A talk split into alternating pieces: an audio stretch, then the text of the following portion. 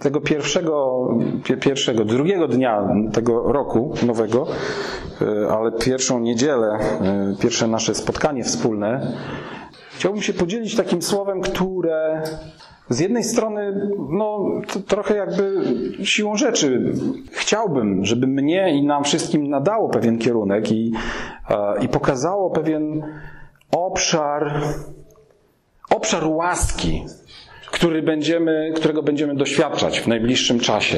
I nie chcę nawet powiedzieć w tym roku, bo tak jak mówię, to, to, to nie do końca jest y, chyba tak. Bóg nie do końca, to, to jest moje doświadczenie, działa w takim dokładnie rytmie, wiecie, od 1 stycznia do 31 grudnia. Ale, ale ten okres teraz jakichś takich świąt, jakiegoś takiego zatrzymania, teraz tego właśnie przełomu, przełomu roku kalendarzowego, wydaje mi się, że jest dobrym momentem, żeby się przyjrzeć temu kierunkowi, w którym Bóg prowadzi nas. Prowadzi każdego z nas, nas tutaj razem i też w ogóle Kościół, którego częścią jesteśmy. I chciałbym, żebyśmy zaczęli od takiego, e, żebyśmy zaczęli od takiego wersetu z objawienia Jana, świętego apostoła, z końcówki prawie, że z 19 rozdziału. I w 19 rozdziale jest tam napisane tak, od szóstego wersetu przeczytam to. I usłyszałem, to, to wiecie, mo, może to dla kogoś jest ważne, gdzie to jest umiejscowione, tak? To jest umiejscowione, to jest opis, wiemy, że z, z Jana, z Apokalipsy Jana, z, z objawienia świętego Jana, nie zawsze wprost do końca da się wyczytać wszystkie, wiecie, te następstwa czasu, co po czym, bo tu ja wiem, że wszyscy zawsze na to tak próbują patrzeć. Yy, tu wydaje się, że jest mowa o wydarzeniach przed nastaniem tysiącletniego królestwa. Może to dla kogoś ma znaczenie, a więc, a więc, dlaczego ja o tym teraz mówię? Dlatego, że to jest sytuacja, która może nas dotyczyć. W ogóle słowo, wiecie, tak, tak, trzeba też czytać, starać się, czasem słowo jakieś wyskoczy do nas jako rema, zupełnie spoza kontekstu i czasem Jezus w ogóle używał słów z pism, tak, ze Starego Przymierza, tak jakby się wydaje poza kontekstem, tamtym, który był wtedy.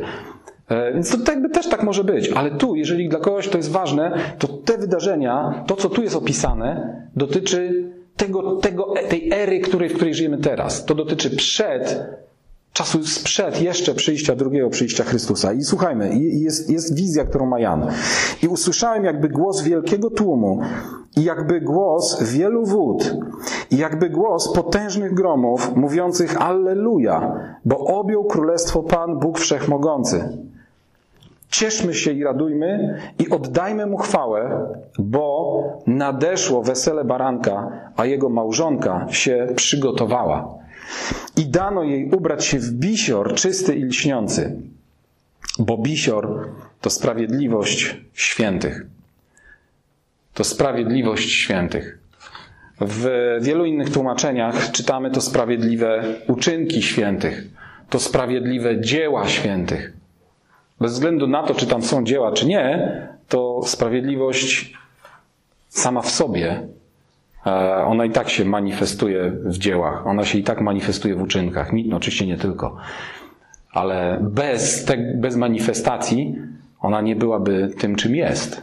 Nie byłaby sprawiedliwością, której, która jest nam, jesteśmy dziedzicami tej sprawiedliwości, którą jest sam Bóg. I to jest taki fragment, który chciałbym, żeby był dla nas e, takim, wiecie, takim, taką osią pewnej refleksji że to jest czas, to jest, to jest okres, żyjemy w sezonie i e, o tyle ten, ten podział na lata dla mnie dzisiaj jest istotny, że e, chciałbym widzieć i wierzę, że Bóg chciałby widzieć i chciałbym, żeby wszyscy chcieli widzieć nas i widzieć w ogóle Kościół, widzieć w ogóle oblubienicę za rok, jeżeli znowu przyjdzie nam dożyć wszystkim do tego momentu za 12 miesięcy, żebyśmy mogli powiedzieć tak, naprawdę istotnie jesteśmy w okresie przygotowania. Istotnie widzimy progres. Istotnie widzimy, że oblubienica jest coraz bardziej, coraz szczelniej okryta, coraz lepiej ubrana w bisior, coraz lepiej jest przygotowana na wesele z barankiem, jest coraz lepiej przygotowana na przyjście swojego Pana. Bo o to tak naprawdę chodzi w funkcjonowaniu oblubienicy, o to tak naprawdę chodzi w funkcjonowaniu Kościoła. I teraz, co to wszystko dla nas oznacza? Jak? Jak mamy się ubierać w ten bisior? Jak mamy sprawować te sprawiedliwe uczynki świętych? Jak mamy tą sprawiedliwością się przyodziewać? Jak mamy też sprawdzać, czy w ogóle jest jakiś postęp w naszym życiu indywidualnym, czy w życiu nas jako, jako wspólnoty, jako, jako całego Kościoła? Co za tym robić? I wiecie, chciałbym, tak jak się modliłem i po prostu pytałem Boga, co, na co praktycznie mamy zwrócić uwagę? Co jest tym praktycznym wyznacznikiem dla nas dzisiaj? Każdy może mieć oczywiście znowu jakąś długą listę swoich celów i swoich planów, ale są takie trzy rzeczy, na które chciałbym zwrócić uwagę. Po pierwsze, po pierwsze, to jest coś, z czego wszystko inne będzie wynikać. To jest jeszcze lepsze, jeszcze głębsze, jeszcze silniejsze zagłębienie się w Słowie. Słowo Boże, poznawanie Słowa, poznawanie Boga przez pryzmat Słowa, poznawanie Jego woli, poznawanie Jego sprawiedliwości przez pryzmat Słowa będzie nam gwarantowało funkcjonowanie w Jego sprawiedliwości będzie nam gwarantowało lepsze, bezpieczniejsze poruszanie się też w tych dziełach i w tych uczynkach, do których jesteśmy powołani.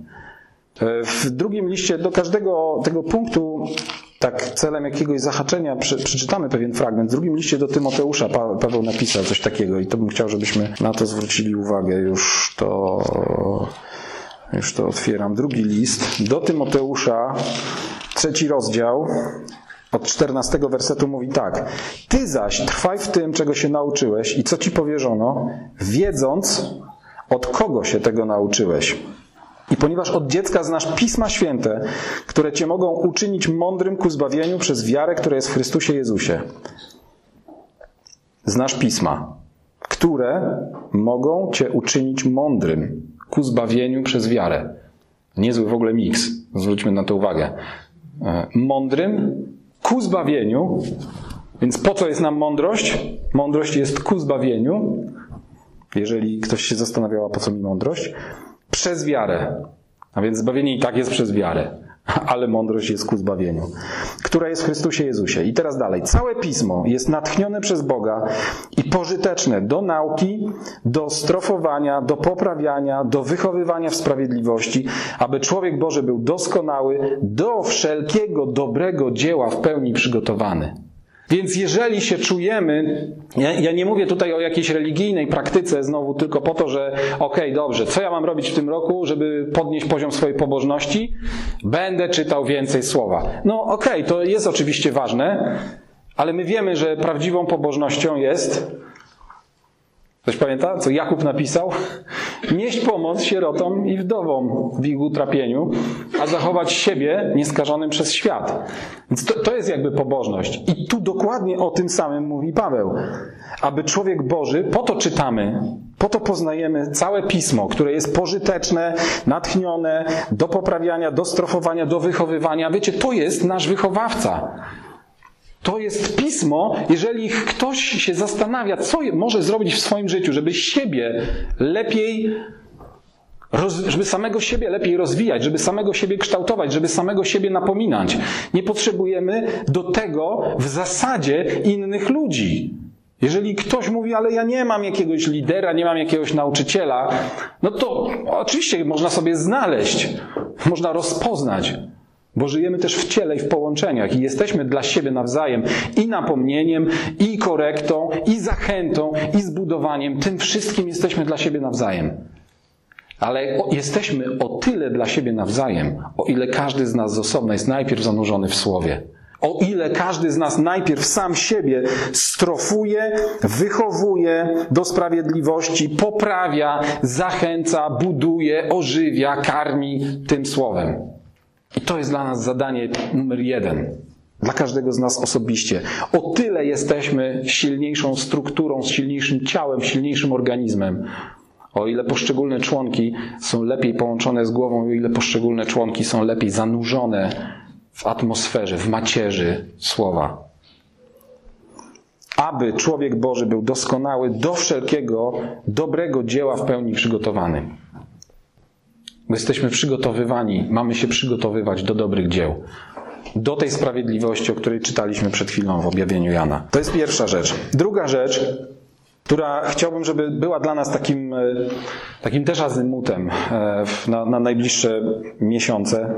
Wszystko jedno, czy 12, czy mniej, czy więcej, to już mniejsza z tym. Po drugie, to jest to, o czym chciałem powiedzieć. Odkryć swój obszar służby, nie bojąc się poddawania próbom i testom. Odkryć swój obszar służby, nie bojąc się poddawania próbom i testom. Wiecie, że to jest pewnego rodzaju nowość, bo ja wiem, że od dłuższego czasu mówimy odkryć swój obszar służby, odkryć to miejsce, które jest gdzieś, wiecie, dla nas przygotowane, odkryć poniekąd też swoją tożsamość. Jakiego rodzaju komórką jesteś, częścią jakiego organu i narządu w ciele Chrystusa jesteś. To jest naprawdę bardzo ważne. Ale z drugiej strony jest tak wielu ludzi, którzy po prostu całe życie, przez miesiące, długie lata, nawet autentycznie spędzają na szczerej modlitwie do Boga i na zastanawianiu się, kim Ty mnie, Panie Boże, uczyniłeś, gdzie jest moje miejsce, co ja powinienem zrobić. Jest na to rozwiązanie. Poddaj się testom, poddaj się próbom. Nie bój się zacząć i spróbować tu, a za chwilę spróbować tam, a za chwilę spróbować gdzieś indziej. Wiecie, po prostu organizm kościelny jest z jednej strony bardzo podobny do ludzkiego i po to te, często są te analogie używane i apostoł Paweł to, wiecie, to pamiętamy bardzo, zresztą przeczytamy za chwilę. E, te, te analogie są tak, takie, one mają nam pomóc. Ale wiecie, jeżeli załóżmy hepatocyt nie wie z jakichś powodów, że jest hepatocytem, i błąka się po ciele. I błąka się po całym organizmie. I osiądzie i osiądzie gdzieś tam w trzustce. To naprawdę nie jest daleko, ale się pomylił. To pamiętajmy o tym, że nie ma w tym nic złego.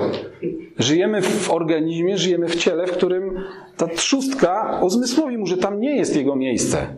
I ten hepatocyt nie może się bać, że coś strasznego się stanie, że po prostu w tej trzustce to on się albo nie odnajdzie i że po prostu nie będzie mógł wypełnić swojej misji. Musimy przestać, wiecie, patrzeć na siebie samych przez pryzmat nas, przez pryzmat, wiecie, swojego, nie chcę powiedzieć ego, bo to znowu wyjdzie na to, że mam jakąś obsesję, trochę mam, ale my bardzo często właśnie tak patrzymy.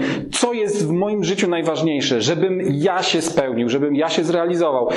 A nawet jeżeli nie ja, no to żebym zrealizował swoje powołanie, bo jak nie nie zrealizuję, to będę się źle czuł, to Bóg będzie na mnie źle patrzył. Wiecie, przestańmy tak funkcjonować.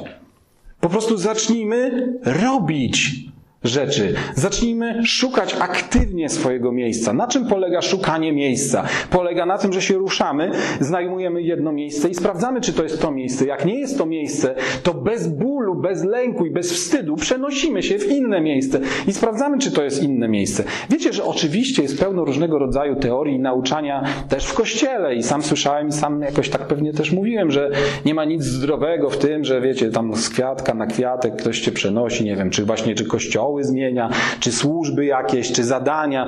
Jedno zaczął, nie skończył, przeniósł się do czegoś innego. Oczywiście, że nie ma w tym nic dobrego ostatecznie.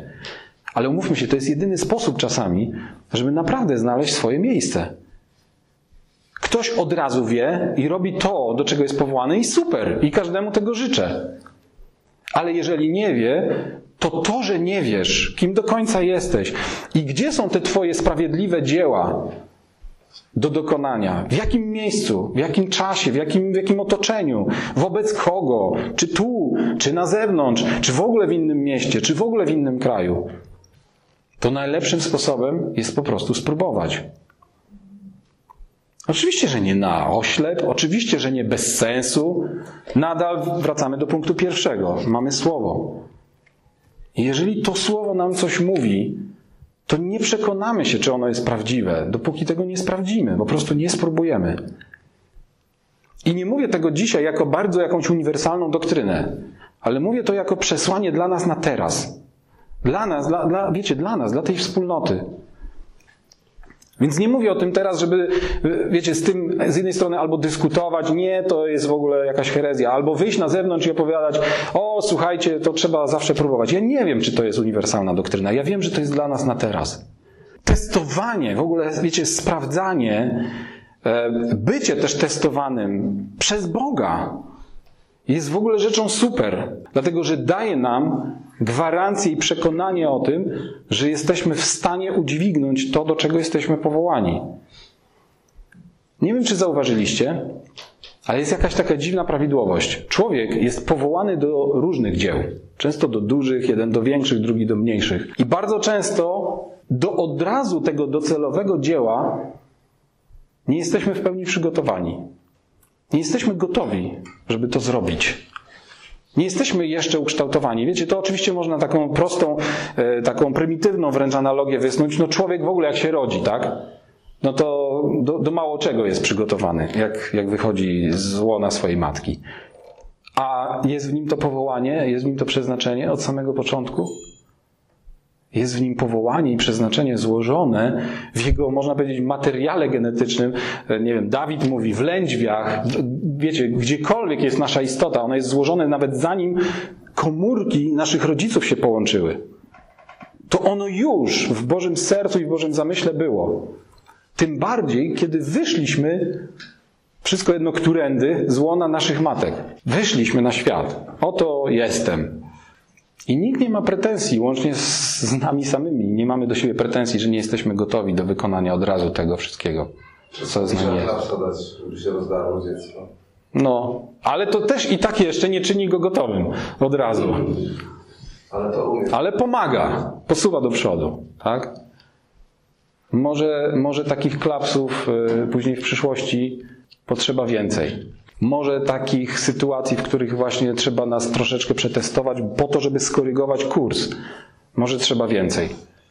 I nie bójmy się tego. Po prostu nie bójmy się testów, nie bójmy się testów, bo pamiętajmy, że co innego są testy, musimy się oduczyć tego, co innego są testy w szkole, co innego są, czym innym są testy na studiach. Wiecie, ja nie, nie chcę nikogo zrazić do systemu edukacji, ale umówmy się, powszechny system edukacji, który obecnie panuje, nie ma na celu tak do końca nauczyć człowieka, bo gdyby tak miał na celu, to działałby inaczej, działałby efektywniej. My wiemy, jakie są bardziej efektywne metody niż te, które dzisiaj szkoła stosuje. Sprawdzanie wiedzy po to, żeby wykazać błędy, a potem radź sobie z tym człowieku sam. Zupełnie na czym innym polega testowanie, któremu my sami mamy się poddać i testowanie, któremu czasem poddaje nas Bóg. Bo wiemy, że to służy temu, żebyśmy ostatecznie osiągnęli ten poziom świętości, ten poziom doskonałości, ten poziom kompetencji, ten poziom przygotowania żeby ponieść to powołanie, do którego jesteśmy przygotowani. Nawet jeżeli to brzmi tak trochę mnemotechnicznie, to chciałbym, żebyśmy może to tak, e, wiecie, zbilansowali drugim listem do Koryntian, bo tam jest taki fragment, który, który trochę kontekstowo o tym mówi. W 13 rozdziale, w 5 wersecie.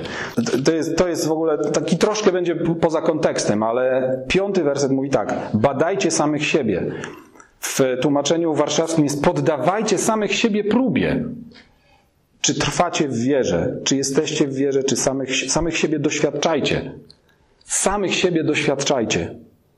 Czy nie wiecie o sobie samych, że Jezus Chrystus jest w Was? Chyba, że zostaliście odrzuceni.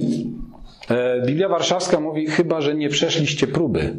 Albo chyba, że przeszliście próbę negatywnie. Tak można też to zrozumieć. Poddawajcie samych siebie próbie. Po pierwsze, czy trwacie w wierze? A po drugie we wszystkich innych kwestiach, a na koniec mówi: doświadczajcie, czy nie wiecie o sobie, że Jezus Chrystus jest w Was.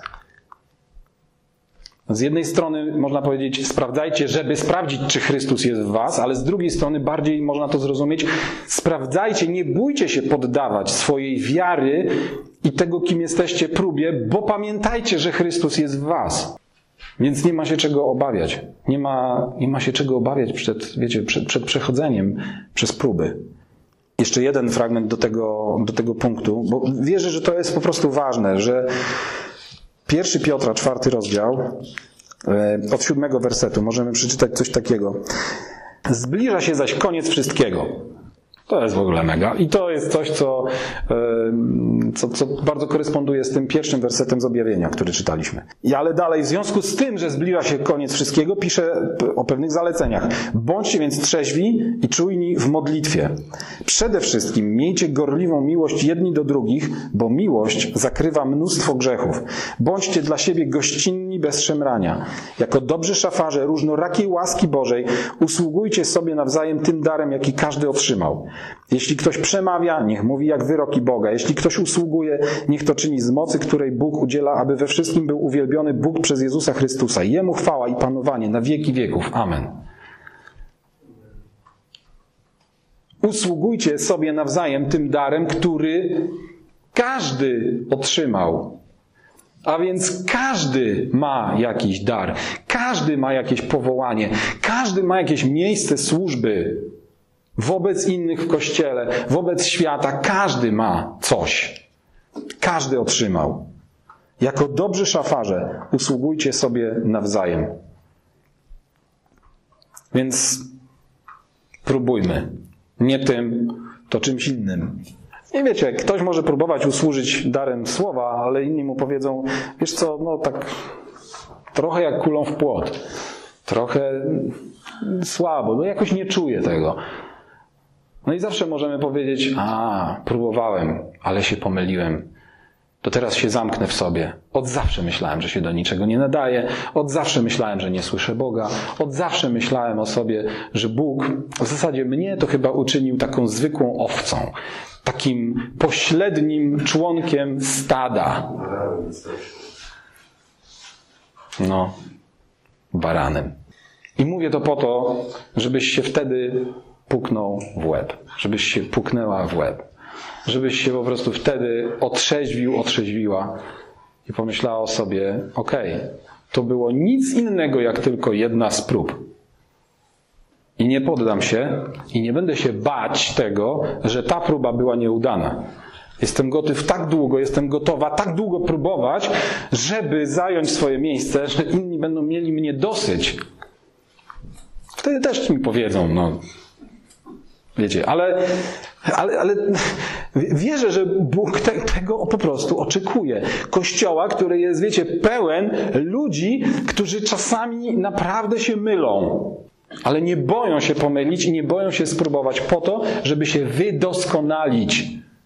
Wydoskonalić w miłości. Bo tu nie chodzi o to, znowu wracam do tego, nie robimy tego po to, żeby siebie zrealizować, ale po to, żeby uwolnić i uruchomić ten potencjał miłości wzajemnej, po to, żeby ciało przez wzajemnie się zasilające członki i ich działanie w miłości mogło budować siebie samo. W miłości, tak jak jest napisane. Po to to robimy.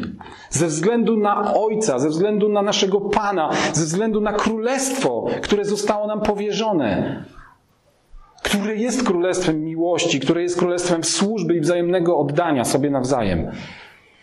I bez ruszenia swoich czterech liter i bez schowania swojego ego i swojej dumy gdzieś tam odłożenia na półkę, nie uda nam się to. Nie uda nam się to. I to jest coś, co jest dla, dla nas zadaniem. I po trzecie, mówiłem o trzech punktach, że, że będą trzy, no to dobra jest trzeci. On bardzo z tego wynika pierwszego, bo tu chodzi o rozpoznanie swojego miejsca służby i połączenia z innymi komórkami i organami ciała. Punkt drugi mówił o rozpoznaniu tego, kim jestem i gdzie jest moje miejsce. Ale jak już będziemy widzieć to miejsce, albo jak już będziemy, osiądziemy w miejscu, o którym podejrzewamy, że to jest moje, jak już hepatocyt znajdzie swoją wątrobę wreszcie, zabłąkany. Za pomocą hepatilu. Hepatilu, no, czy tam jakiegoś rafacholinu, czy tam innych rzeczy. E, są, są sposoby, żeby sobie pomóc, tak. No, hepatocyt może jeszcze ma łatwo. Są, są inne komórki, które może być trochę trudniej znaleźć swoje miejsce. Ale mniejsza z tym. To rozpoznajmy, rozpoznajmy rodzaj połączeń i rozpoznajmy, z kim jesteśmy połączeni. Z kim, w jaki sposób mamy działać jak funkcjonować. No już nie chcę tej nieszczęsnej wątroby teraz, wiecie, jakoś tak brać na tapetę i tych wszystkich funkcji, e, zwłaszcza po świętach, bo ona rzeczywiście jest centrum procesów wszelakich e, i bardzo różnorodnych. Więc te hepatocyty naprawdę mogą mieć kontakt z bardzo różnymi komórkami, z bardzo różnych narządów i układów. Nie mówiąc o dodatkowych funkcjach, że różne zewnętrzne czynniki przez nią przepływają, muszą być wyłapane. muszą być odpowiednio spakowane, że tak powiem paradoksalnie, tak można powiedzieć, w jakieś takie, w, w, stanęły mi przed oczami takie, wiecie, jak firma śmieciowa przyjeżdża i daje worki.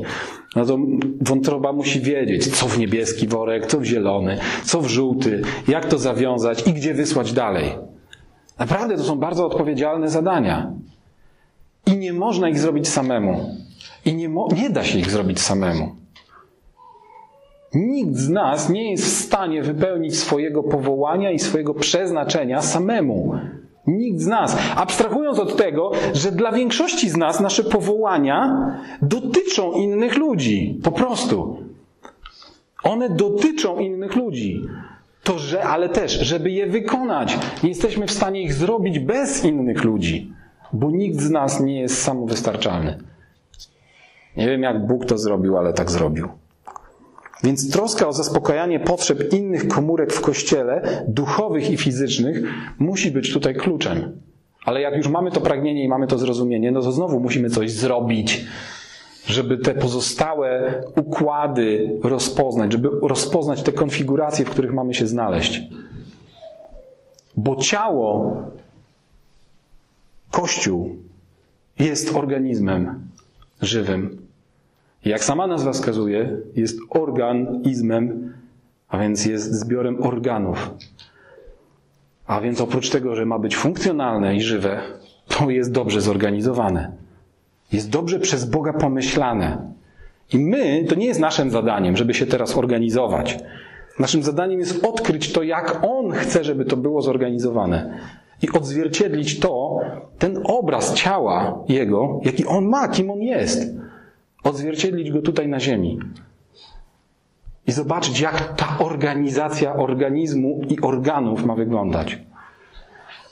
W pierwszym liście do Koryntian, powiedziałem, że to przeczytamy, więc przeczytajmy. W pierwszym liście do Koryntian to będzie znany fragment, ale po prostu on jest, on jest tutaj kluczowy, naprawdę. Musimy to dobrze złapać. Dwunasty rozdział to jest ten rozdział o ciele, tak? O tej organizacji, organizmu. Dwunasty werset. Jak bowiem ciało jest jedno, a członków ma wiele i wszystkie członki jednego ciała, choć jest ich wiele, są jednym ciałem, tak samo i Chrystus. Bo wszyscy przez jednego ducha zostaliśmy ochrzczeni w jedno ciało. Czy to Żydzi, czy Grecy, czy niewolnicy, czy wolni, wszyscy zostaliśmy napojeni jednego, w jednego ducha. Ciało bowiem nie jest jednym członkiem, ale wieloma. Gdyby noga powiedziała, ponieważ nie jestem ręką, nie należy do ciała, czy dlatego nie należy do ciała? A gdyby ucho powiedziało, ponieważ nie jestem okiem, nie należy do ciała, czy dlatego nie należy do ciała? Gdyby całe ciało było okiem, gdzie byłby słuch, albo gdyby całe ciało było słuchem, gdzież powonienie? Lecz Bóg umieścił członki w ciele, każdy z nich tak, jak chciał. Jest to właśnie o czym mówiliśmy przed chwilą. Tak jak On chciał, umieścił. Gdyby wszystkie były jednym członkiem, gdzież byłoby całe ciało? Jeszcze dalej. Tymczasem wiele jest członków, lecz jedno ciało. Nie może więc oko powiedzieć ręce, nie potrzebuje ciebie, albo głowa nogą, nie potrzebuje was. Przeciwnie, o wiele bardziej potrzebne są te członki ciała, które wydają się najsłabsze, i tak dalej, i tak dalej. To już ma, dalej ma dla nas mniejsze znaczenie dzisiaj. I wiecie, to akurat to połączenie oka z, z ręką czy z nogą jest, jest, jest dość ciekawe, bo rozumiecie, tam jest po prostu pełna współzależność. To, że oko jest źrenicą ciała, to, że oko jest bramą ciała, to, że oko jest w głowie, jest częścią, można powiedzieć, systemu nerwowego, albo jest z nim bardzo połączone. I oko decyduje, w którą stronę w ogóle, na co patrzymy, na co nie, jak widzimy, jak przetwarzamy później te informacje. Od tego bardzo dużo zależy. Ale co oko mogłoby samo zrobić, gdyby to ciało nie miało nóg, które zaprowadzą to ciało w kierunku, w którym oko patrzy? Z drugiej strony wyobrażamy sobie, jak się zachowuje ciało, które nie ma oka musi sobie poradzić. Wtedy potrzebuje może ręki, która będzie bardzo wyczulonym, wyczulony sposób trzymała jakiś, jakiś patyk, jakiś kij. Wtedy potrzebuje szczególnego wy, uwrażliwienia słuchu. Wtedy no, różnych rzeczy potrzebuje. Dotyku, trzeba czytać braillem i tak dalej, i tak dalej. Więc wiecie, da się to zrobić, ale znowu organizm wtedy musi w inny sposób skompensować sobie ten brak bo musi funkcjonować. Kiedy ostatecznie i nieodwołalnie jakiejś części brakuje i ona jest niekompensowalna, to ciało umiera. I Bóg zaplanował ciało swojego syna teraz tutaj na ziemi, żeby było po prostu funkcjonalne. Więc każdy z nas ma jakąś funkcję. Więc nie ma czegoś takiego, że po prostu są jacyś funkcyjni, którzy mają funkcję i pełno jakichś komórek multipotencjalnych, które przez całe swoje życie krążą po ciele bezładnie, nie znajdując swojego miejsca, gdzie ich tam krew albo limfa zaniesie i służą do niczego. Wiecie, że w organizmie ludzkim w zasadzie nie ma żadnego organu, który by służył do niczego. To, że na przykład śledzione można prawie że bezkarnie wyciąć, jak po wypadku na przykład ktoś rąbnie brzuchem o kierownicę i pęknie mu śledziona. No i no, pękła śledziona. No, no nie dało się szybko zeszyć torebki śledzione i tak dalej, wszystko się rozlało. No co się robi? No się wycina śledzione. Bez śledziony ostatecznie można żyć. Ale nie jest mimo wszystko, nawet śledziona jest potrzebna. No można powiedzieć, że wszystkie zęby ostatecznie człowiekowi nie są potrzebne. Można powiedzieć, że dwie nerki nie są człowiekowi potrzebne. Ale wyrostek. No, no z wyrostkiem to jest ciekawe. No, trzeba jakąś analogię dla tego wyrostka będzie znaleźć. E, poza tym, że tam jest siedlisko jakichś komórek limfatycznych, to rzeczywiście, e, rzeczywiście trzeba będzie się nad tym zastanowić. Ale niech to nie będzie dla nikogo z nas jakimś wytłumaczeniem, że mm, chyba jestem wyrostkiem. Bo. E... Ciekawe, że Paweł o włosach pisze, nie? No Jezus tylko mówił, że są na wszystkie włosy na głowie policzone. Tu nie mówił o włosach, to fakt. Ale są policzone z jakichś powodów też jednak. No tak, jedni mają włosy, inni nie mają. Widocznie inni mniej ich potrzebują. I wiecie, to już, już na koniec, e, jeszcze z drugiego listu do Koryntian za chwilę coś przeczytamy. E, wiecie, to wszystko, pamiętajmy, że to wszystko jest w kontekście dzieł, w kontekście uczynków sprawiedliwości, w które oblubienica ma się przyodziać, jak w bisior. Tym bisiorem jest ta sprawiedliwość świętych. Bo w Ewangelii Mateusza w piątym rozdziale Jezus powiedział, że niech wasza światłość świeci przed ludźmi, żeby widzieli dobre uczynki i chwalili waszego Ojca, który jest w niebie. Możemy sobie powiedzieć, o tak, Ojciec Bóg nie potrzebuje żadnego PR-u z naszej strony, On sam się obroni. Okej, okay, oczywiście, że tak. Ale z drugiej strony Jezus sam powiedział: Niech wasza sprawiedliwość świeci przed ludźmi. Więc na nic nam jest nasza sprawiedliwość, którą sobie ukryjemy, schowamy pod korcem, gdzieś, wiecie, głęboko i będziemy się cieszyć ze świadomości, że ją mamy. No co nam po sprawiedliwości, którą mamy w swoim domu, ukrytą tak głęboko, że nawet często nasi domownicy nie zdają sobie sprawy, że ją mamy? Jezus mówi: Niech wasza sprawiedliwość świeci przed ludźmi, żeby te uczynki, które wynikają z tej sprawiedliwości, bo co mówi? Żeby widzieli wasze dobre uczynki i chwalili przez to Ojca, który jest w niebie. Więc niech uczynki, które wynikają ze sprawiedliwości, przydają chwały Bogu. Chcemy oddawać chwałę Ojcu, chcemy oddawać chwałę Bogu, to musimy pamiętać, że nie tylko ustami, nie tylko sercem, nie tylko podniesionymi rękami, nie tylko na kolanach, ale uczynkami, które widzą ludzie na zewnątrz. I dzięki temu, że je widzą, widzą, że one wynikają ze sprawiedliwości, która jest Bożym dziełem, oddają chwałę Bogu. I ostatni fragment, który chciałbym, jak byliśmy u Koryntian, to drugi otwórzmy, żebyśmy przeczytali. E, bo wiecie, to jest też, e, to jest też taki fragment, który dotyczy bardzo konkretnej rzeczy. E, I, oczywiście za chwilę będziemy od razu widzieć, o jaką rzecz chodzi.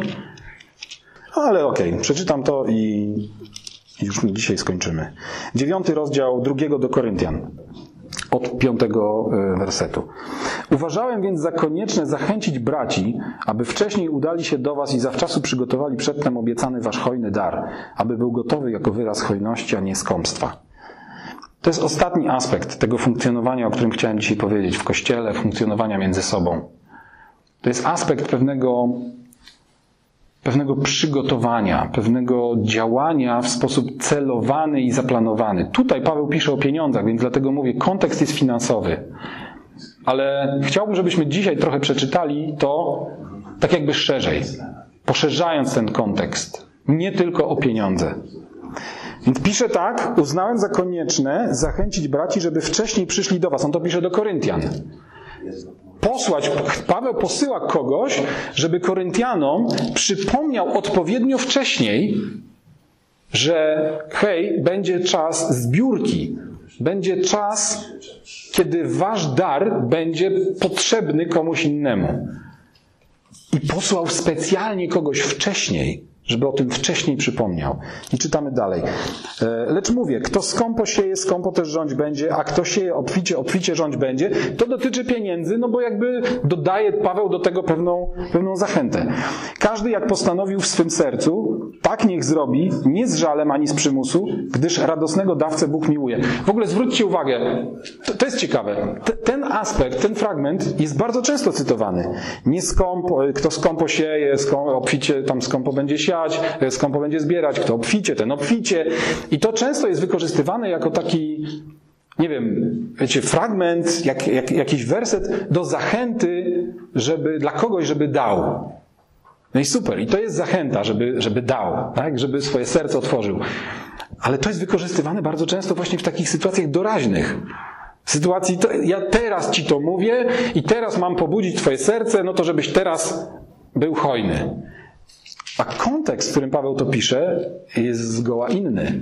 On pisze o hojności, pisze o dawaniu z dużym wyprzedzeniem.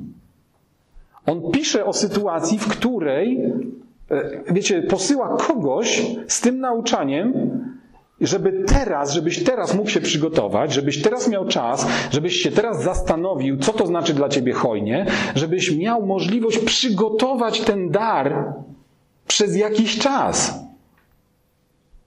I żeby to wynikało z pewnego zaplanowanego, intencjonalnego działania rozciągniętego w czasie. To jest mega. I my musimy tak zacząć na to patrzeć. Nasza hojność nie może wynikać z tego, wiecie, że przyszliśmy na spotkanie, ktoś mówi o kasie, ktoś mówi o jakiejś potrzebie, szukamy, patrzymy, no dobra, dzisiaj mam stówę, a dzisiaj mam dwie dychy. To jest moja hojność, to jest moja obfitość. Super, masz dwie dychy, masz stówę, możesz dać stówę. Ale być może nie chodzi o to, żeby dać stówę czy dwie dychy, tylko żeby dać hojnie i obficie coś, co zbierzemy za miesiąc, albo za dwa, albo za trzy.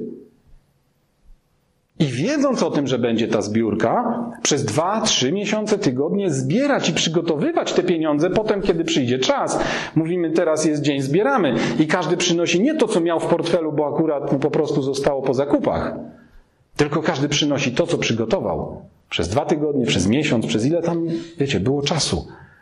To jest działanie w królestwie. I tak, I tak Paweł pisze, że powinien funkcjonować Kościół.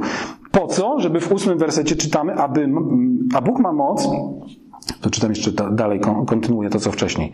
A Bóg ma moc udzielić wam obficie wszelkiej łaski, abyście, mając zawsze wszystkiego pod dostatkiem, obfitowali we wszelki dobry uczynek. Jak jest napisane, rozrzucił, dał ubogim, jego sprawiedliwość trwa na wieki.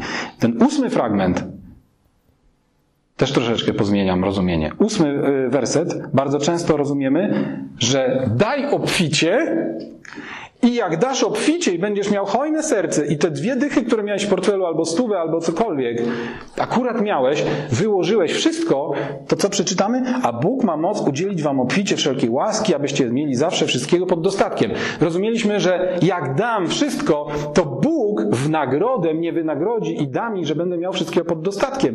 Tymczasem nie, bo zauważcie, Paweł nie pisze o tym, że zbieramy teraz. On pisze to w kontekście, że teraz zaczynamy przygotować do tego, żeby dać za jakiś czas.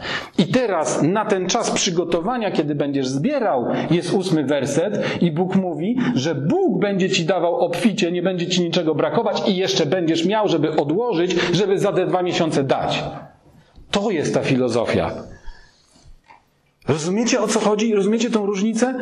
My, my funkcjonujemy jak taki po prostu w takim z Bogiem, jak często w takim mechanizmie po prostu świętego Mikołaja. Poświęciłem się, to teraz Bóg mi odda. Dobra, działałem jakoś intencjonalnie, działałem nie intencjonalnie, tylko e, chciałem powiedzieć, e, co? No tak spontanicznie, tak? Pod wpływem jakiegoś impulsu, emocji, chwili. No super, to są rzeczy też ważne. Ale prawdziwe owoce nie rodzą się często z takiego chwilowego działania. One się rodzą z wypróbowania. Widzieliście, co, co Paweł pisał? Wracamy jeszcze do dziewiątego, do dziesiątego. A ten, który daje ziarno siewcy, Niech i wam da chleba do jedzenia i wasze ziarno rozmnoży i zwiększy co? Plon waszej sprawiedliwości. Plon waszej sprawiedliwości. A bisior, którym się przyodziewa oblubienica, to jest sprawiedliwość świętych. Abyście byli wzbogaceni we wszystko, ku wszelkiej hojności, która sprawia, że z naszego powodu składane jest dziękczynienie Bogu. To jest dokładnie to samo, o czym Jezus powiedział wcześniej, żeby widząc dobre uczynki wasze, chwalili Ojca, który jest w niebie. I ten jedenasty werset rozciąga, dlatego mówiłem, że popatrzmy nie jako tylko na pieniądze, bo wiecie, na pieniądzach to jest łatwo sobie to wyobrazić, ale tu nie chodzi tylko o pieniądze. Zawsze możesz powiedzieć, ja nie mam czasu, ja nie mam możliwości na taką służbę, na takie działania. Ale hej, Bóg nie wymaga tego od ciebie być może dzisiaj. Ale potraktujmy i będzie dowodem dla Niego i dla nas, że traktujemy poważnie Jego powołanie, Jego zadanie. Kiedy On nam da zadanie, my popatrzymy na zadanie. Wiecie, że to jest często weryfikator? Patrzymy na zadanie, które Bóg nam daje i patrzymy na nasze możliwości. Nie mam tyle czasu, nie mam tyle pieniędzy, nie mam tej energii, nie mam tych połączeń, nie mam znajomości, nie mam nic. Czyli to zadanie chyba nie jest dla mnie. To nie, to ja chyba przechwyciłem czyjeś inne powołanie. Ja w swojej gorliwości rzuciłem się na nie swoje powołanie. A co by było, gdybyśmy poświęcili trochę więcej czasu, żeby się zastanowić, czy czasem to powołanie jednak nie jest Twoje albo moje?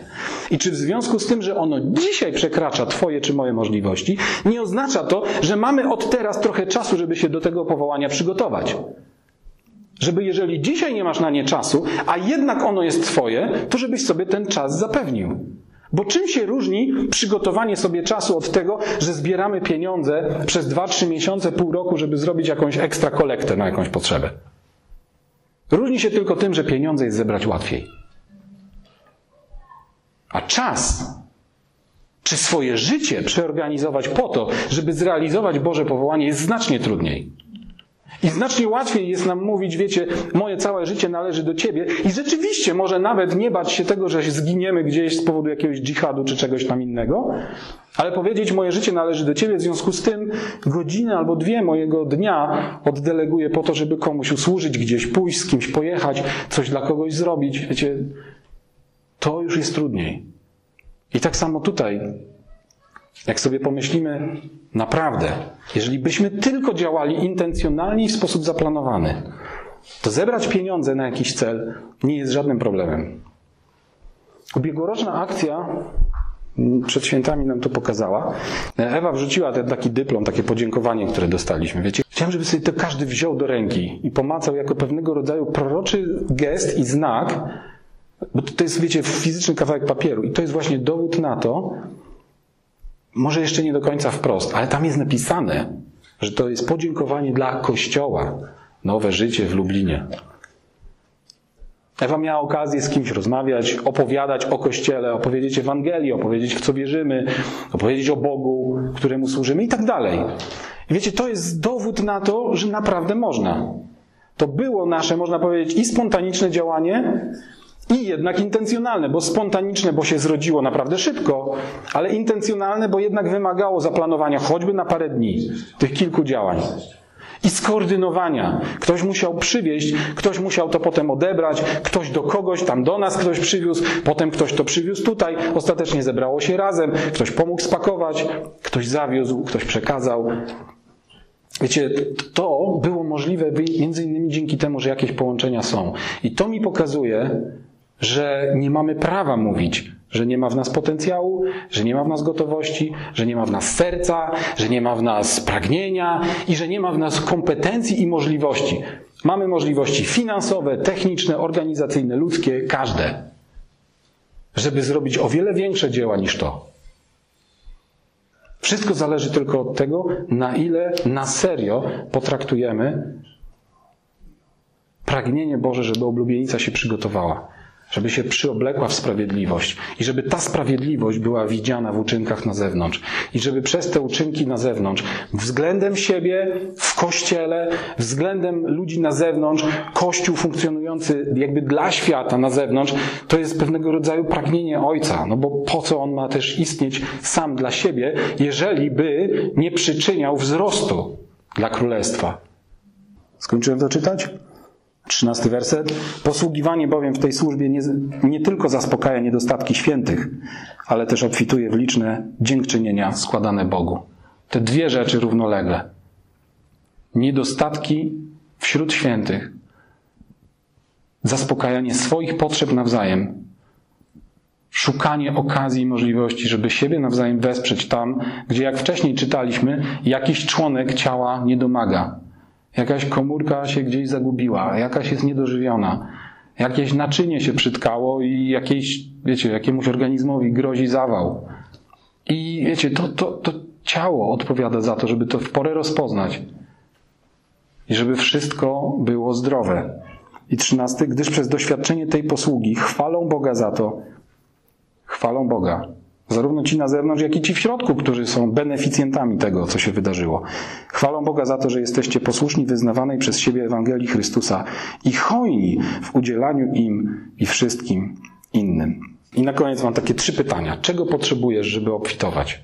Czego potrzebujesz, żeby zacząć wypełniać swoje powołanie? Czego potrzebujesz, żeby zacząć służyć?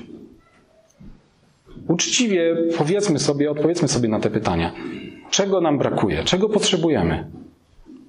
Bo funkcją Kościoła jest między innymi też to, żeby jeżeli samemu Kościołowi albo jego częściom, jego organom czegoś brakuje, to żeby sobie to nawzajem dawać, żeby się nawzajem zabezpieczać, żeby się wyposażać.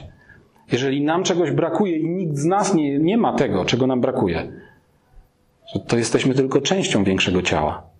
To Bóg nam, wiecie, przyśle zaopatrzenie z innych części ciała. W ogóle nie ma się tym co przejmować i na to co oglądać. Ktoś może być bardzo przywiązany do idei pięciorakiej służby i ograniczać, wiecie, służby do pięciu służb. I, i widzi, no dobra, to, to, tu ktoś jest, tam ktoś nie ma, tego nie mamy, w ogóle jesteśmy małą grupą, tego nie, no nie mamy. Jakie to ma znaczenie? Całe ciało jest nieograniczone, całe ciało jest wielkie. Wiecie, Bóg umieścił w ciele potężne zasoby. Więc to, to nie jest dla nas problem.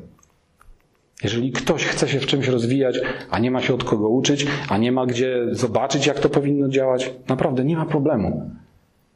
Na całym świecie ciało Chrystusa ma się bardzo dobrze jest dobrze wyposażone. Tylko chodzi o to, że chodzi o to, żebyśmy my tutaj, każdy z nas z osobna, my jako ta grupa, która jest jakąś częścią ciała, wypełniała swoje powołanie.